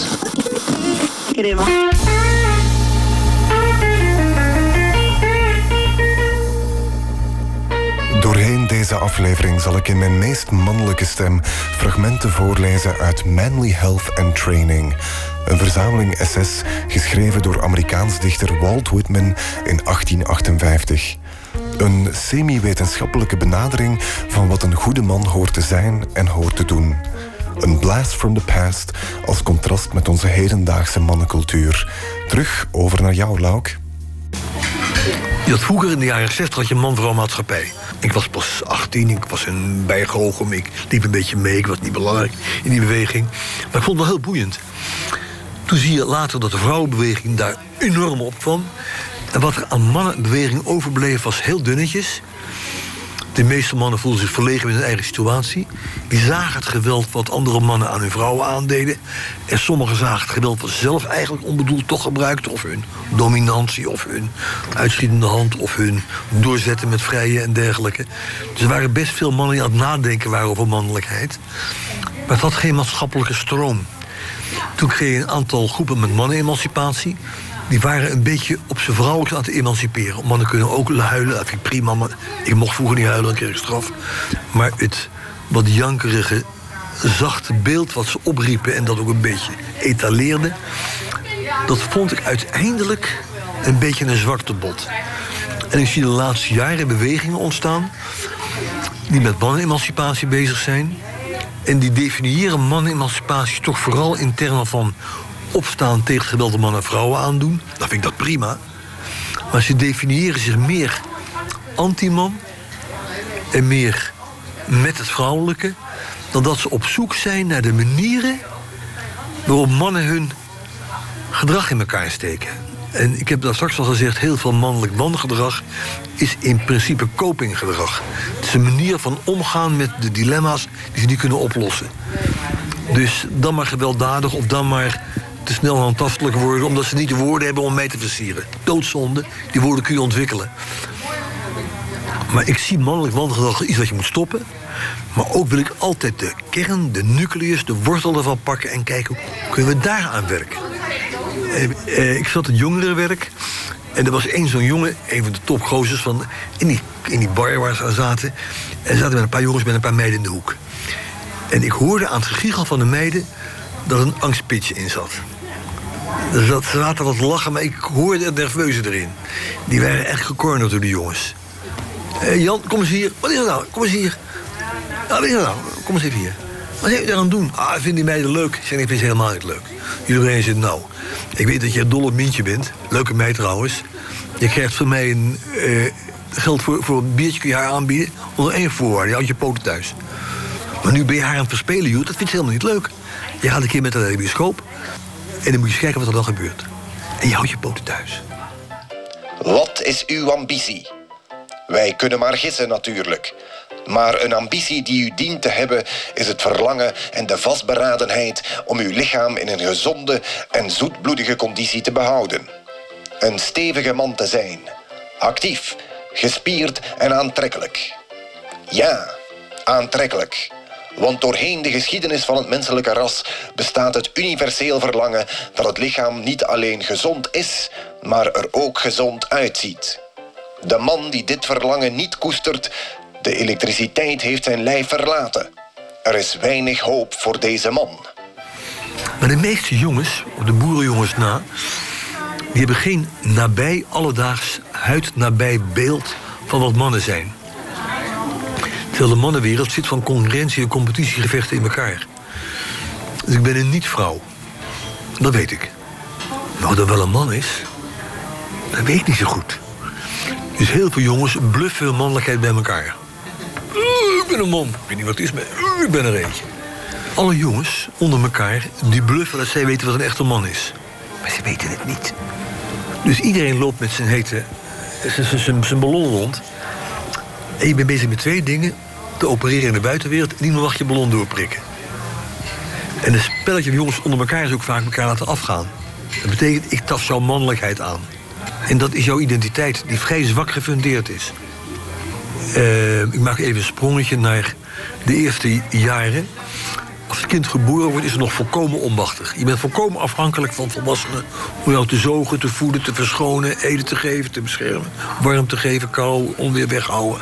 Het kind zelf heeft het nodig om zich aan iemand te hechten. En ik zorg dat de moeder zich aan mij hecht. En de moeder hecht zich aan mij. Een niet veilig gehecht kind is, is voor de wolven. Dus je moet je hechten aan iemand. Nou blijkt dat jongens groeien iets lastiger op dan meisjes. Maak even een omweggetje, maar het is van belang. Meisjes hebben XX-chromosoom, wij hebben X- en Y-chromosoom. We hebben het Y-chromosoom van vader gekregen. Het Y-chromosoom zorgt ervoor vanaf week 6, 7, 8... dat wij geen meisje blijven, maar een jongen worden. Dus wij zijn als ware omgebouwde vrouwen. En met fragiele eisyndroom, XXI en al die varianten... zie je dat het ei niet goed doorzet en dan krijg je tussenvormen. Maar in normaal geval zal het eigen chromosoom ervoor zorgen... dat jij geen meisje blijft, XX, maar van het X de eikant uitgaat. Dat betekent dat er in de baarmoeder tussen zes weken en negen maanden... allerlei processen plaatsvinden waarin jij niet alleen opgroeit... zoals een meisje ook doet, maar ook andere kanten uit moet. Dat gaat schoksgewijs. Dat betekent dat de, het, het aantal jongens wat het niet redt is groter. Het aantal zuigelingen, het feutale sterfte onder mannen is groter dan onder vrouwen. De perinatale sterfte is een stuk groter bij jongens dan bij meisjes. Keizersnede meer bij jongens dan bij meisjes. Na de geboorte een lagere Apgar-score, later een scale. Dat zijn bepaalde schalen om de grond. Dat is niet erg, dat gaat wel goed.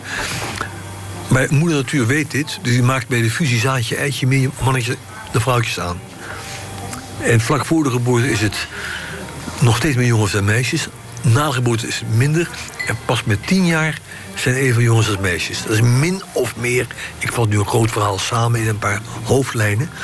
Maar het gaat meer mis met jongetjes. Hun beweging, hun motoriek, hun motorische emotionaliteit is veel sterker. Hun ruimtelijke oriëntatie, visueel, sterker. Je in de ruimte bewegen. Trial and error uitproberen en struikelen, blauwe plekken oplopen, toch in die boom klimmen. Dat kunnen jongens veel gemakkelijker. Meesten hebben grotere moeite met trial and error. Zijn veel banger. Veel meer angst. Jongens denken, oh, spannend. Als een brandweer langskomt, uh, waar is de fik? De jongens hebben een andere driftleven, andere emotioneel leven, andere drive. Maar hun taalontwikkeling is langzamer dan bij meisjes. Kom ik daar bij jouw vak terug. Mannen hebben, een, hebben veel langer samen taalgebruik. We zeggen even laat papa en mama, maar dat is wel een beetje bekeken. De meisjes van 14 hebben een veel groter vocabulaire... en het vermogen om hun gevoelens in woorden uiteen te zetten dan jongens. Eh, met 18, 19 hebben jongens hetzelfde verbale vermogen als meisjes. Ook qua rijping van de frontale cortex. het gebied van je hersenen wat dat spulletje aanstuurt. Maar jongens zijn wel langzamer in taal. Maar fysiek zijn ze, zijn ze sneller. Motoriek, fijne motoriek. Meisjes van 6, 7 kunnen al keurig tussen de lijntjes schrijven. Bloemetje, beetje erbij en dergelijke. En jongens die van 6, 7... Oké, nou, je buurmeisje schrijft ook heel mooi. Schouder vast. Ik probeer mijn hanenpoten tussen de lijntjes te klemmen. Dat betekent dat veel jongens met 6, 7, 8 gedwongen worden mooi te schrijven. Mijn motoriek is nog niet zo ver. Dus op schrijven komt druk te staan. Maar je kunt het wel, maar het komt later. En de mannen kunnen goed fijn schrijven, maar in Nederland, zeker in andere landen vrees ik ook wel, worden we vrij vroeg geforceerd om te schrijven. Maar de meeste jongens hebben een trage ontwikkeling van de fijne motoriek, van taal, van empathie, van sociale vaardigheden. Globaal gesproken kun je zeggen dat bij meisjes de verschillende intellectuele functies, executieve functies, die ontwikkelen min of meer gelijk op. Het meisje maakt wat gelijkmatige ontwikkeling door. Moet ook rijpen. En, terwijl bij jongens zie je dat sommige faciliteiten in het brein... grote motoriek, durf, lef, uh, het schipstrand... die ontwikkelen veel sneller. Visueel ook, ruimtelijk. Abstract, fantasie, creativiteit. Maar fijne motoriek, planning, vooruitzien... dat is typisch des meisjes. Meisjes maken huiswerk een week van tevoren en hebben ze mensen vrij. Jongens denken, ah, ik zie morgen wel weer. Typisch dat soort onrijpheid van het brein.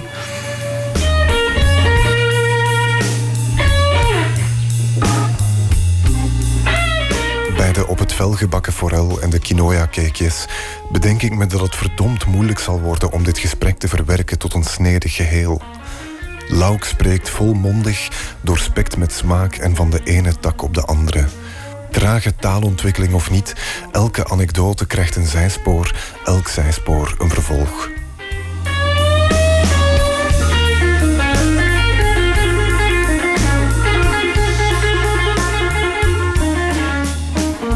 Ik vind het ontkennen van de eigen aardigheid van jongens... de eigen aardigheid van meisjes...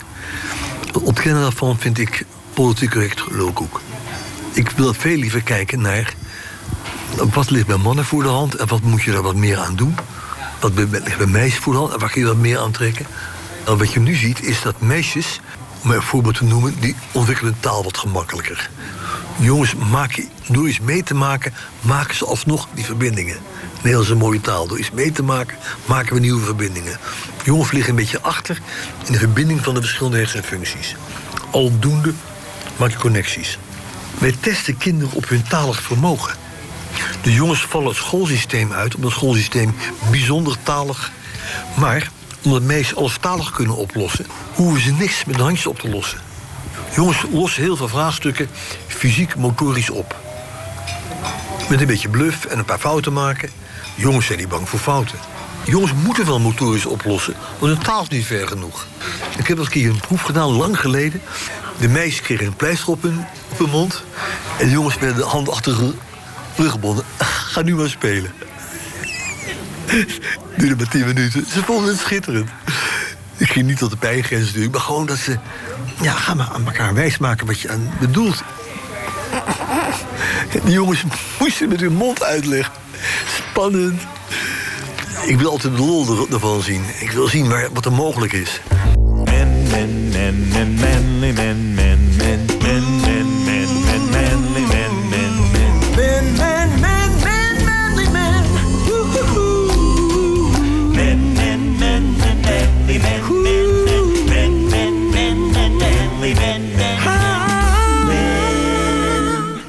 Vrouwen hebben onder elkaar veel meer vocabulaire om te praten over hun gevoel.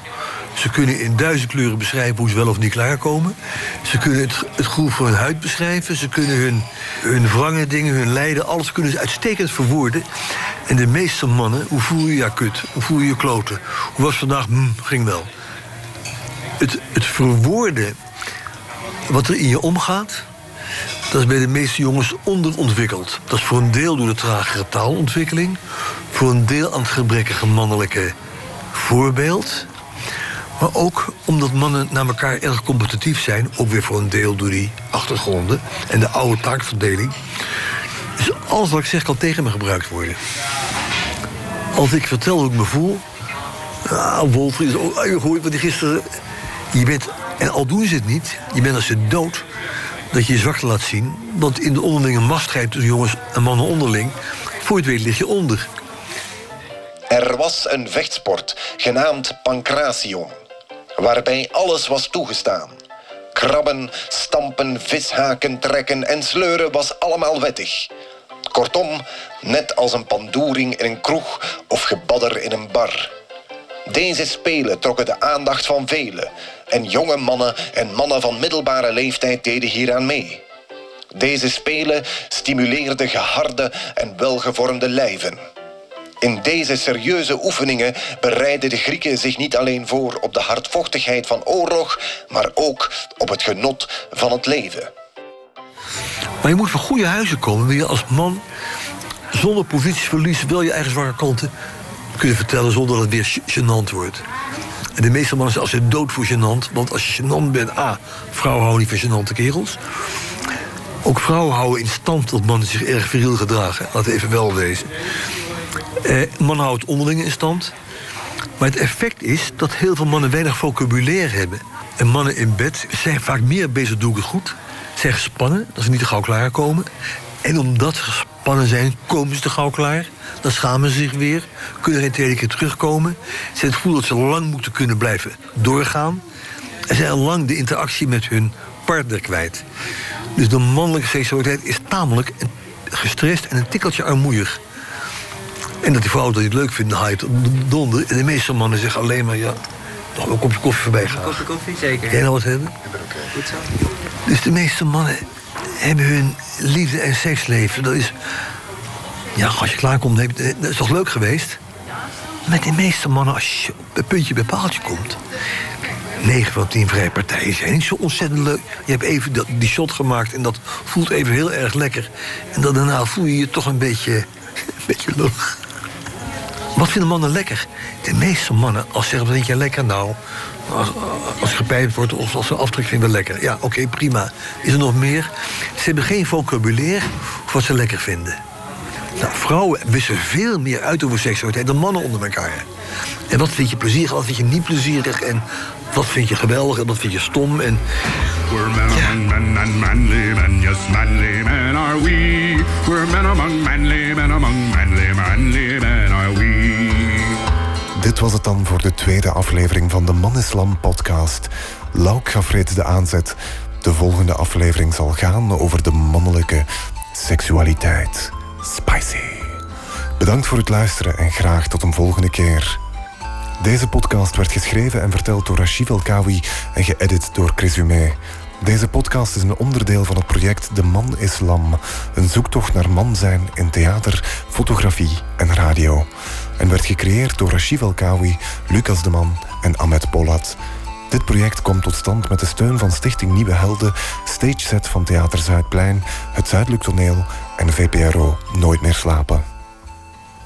Ja, en dat was mannenwetenschapper Lauk Woltering in het tweede deel van de podcastserie De Man is Lam. En in april meldt Rashif Al-Kawi zich weer hier in Nooit meer slapen met aflevering 3. Loma is een nieuwe band die bestaat uit de zanger van Shearwater en het duo Cross Records. En vandaag is hun gelijknamige debuutalbum verschenen. Hiervan is dit het nummer Joy. Love comes stolen,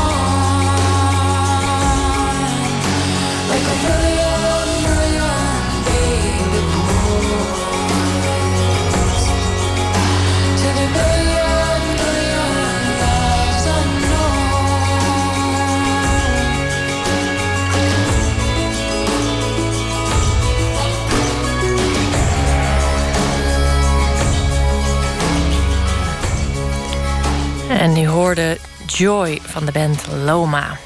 En aanstaande maandag ben ik weer van de partij. Dan ga ik in gesprek met schrijver Oscar van den Boogaard. Hij woont afwisselend in Berlijn en in een dorp vlakbij Gent. En wekelijks schrijft hij een column voor de Vlaamse krant De Standaard.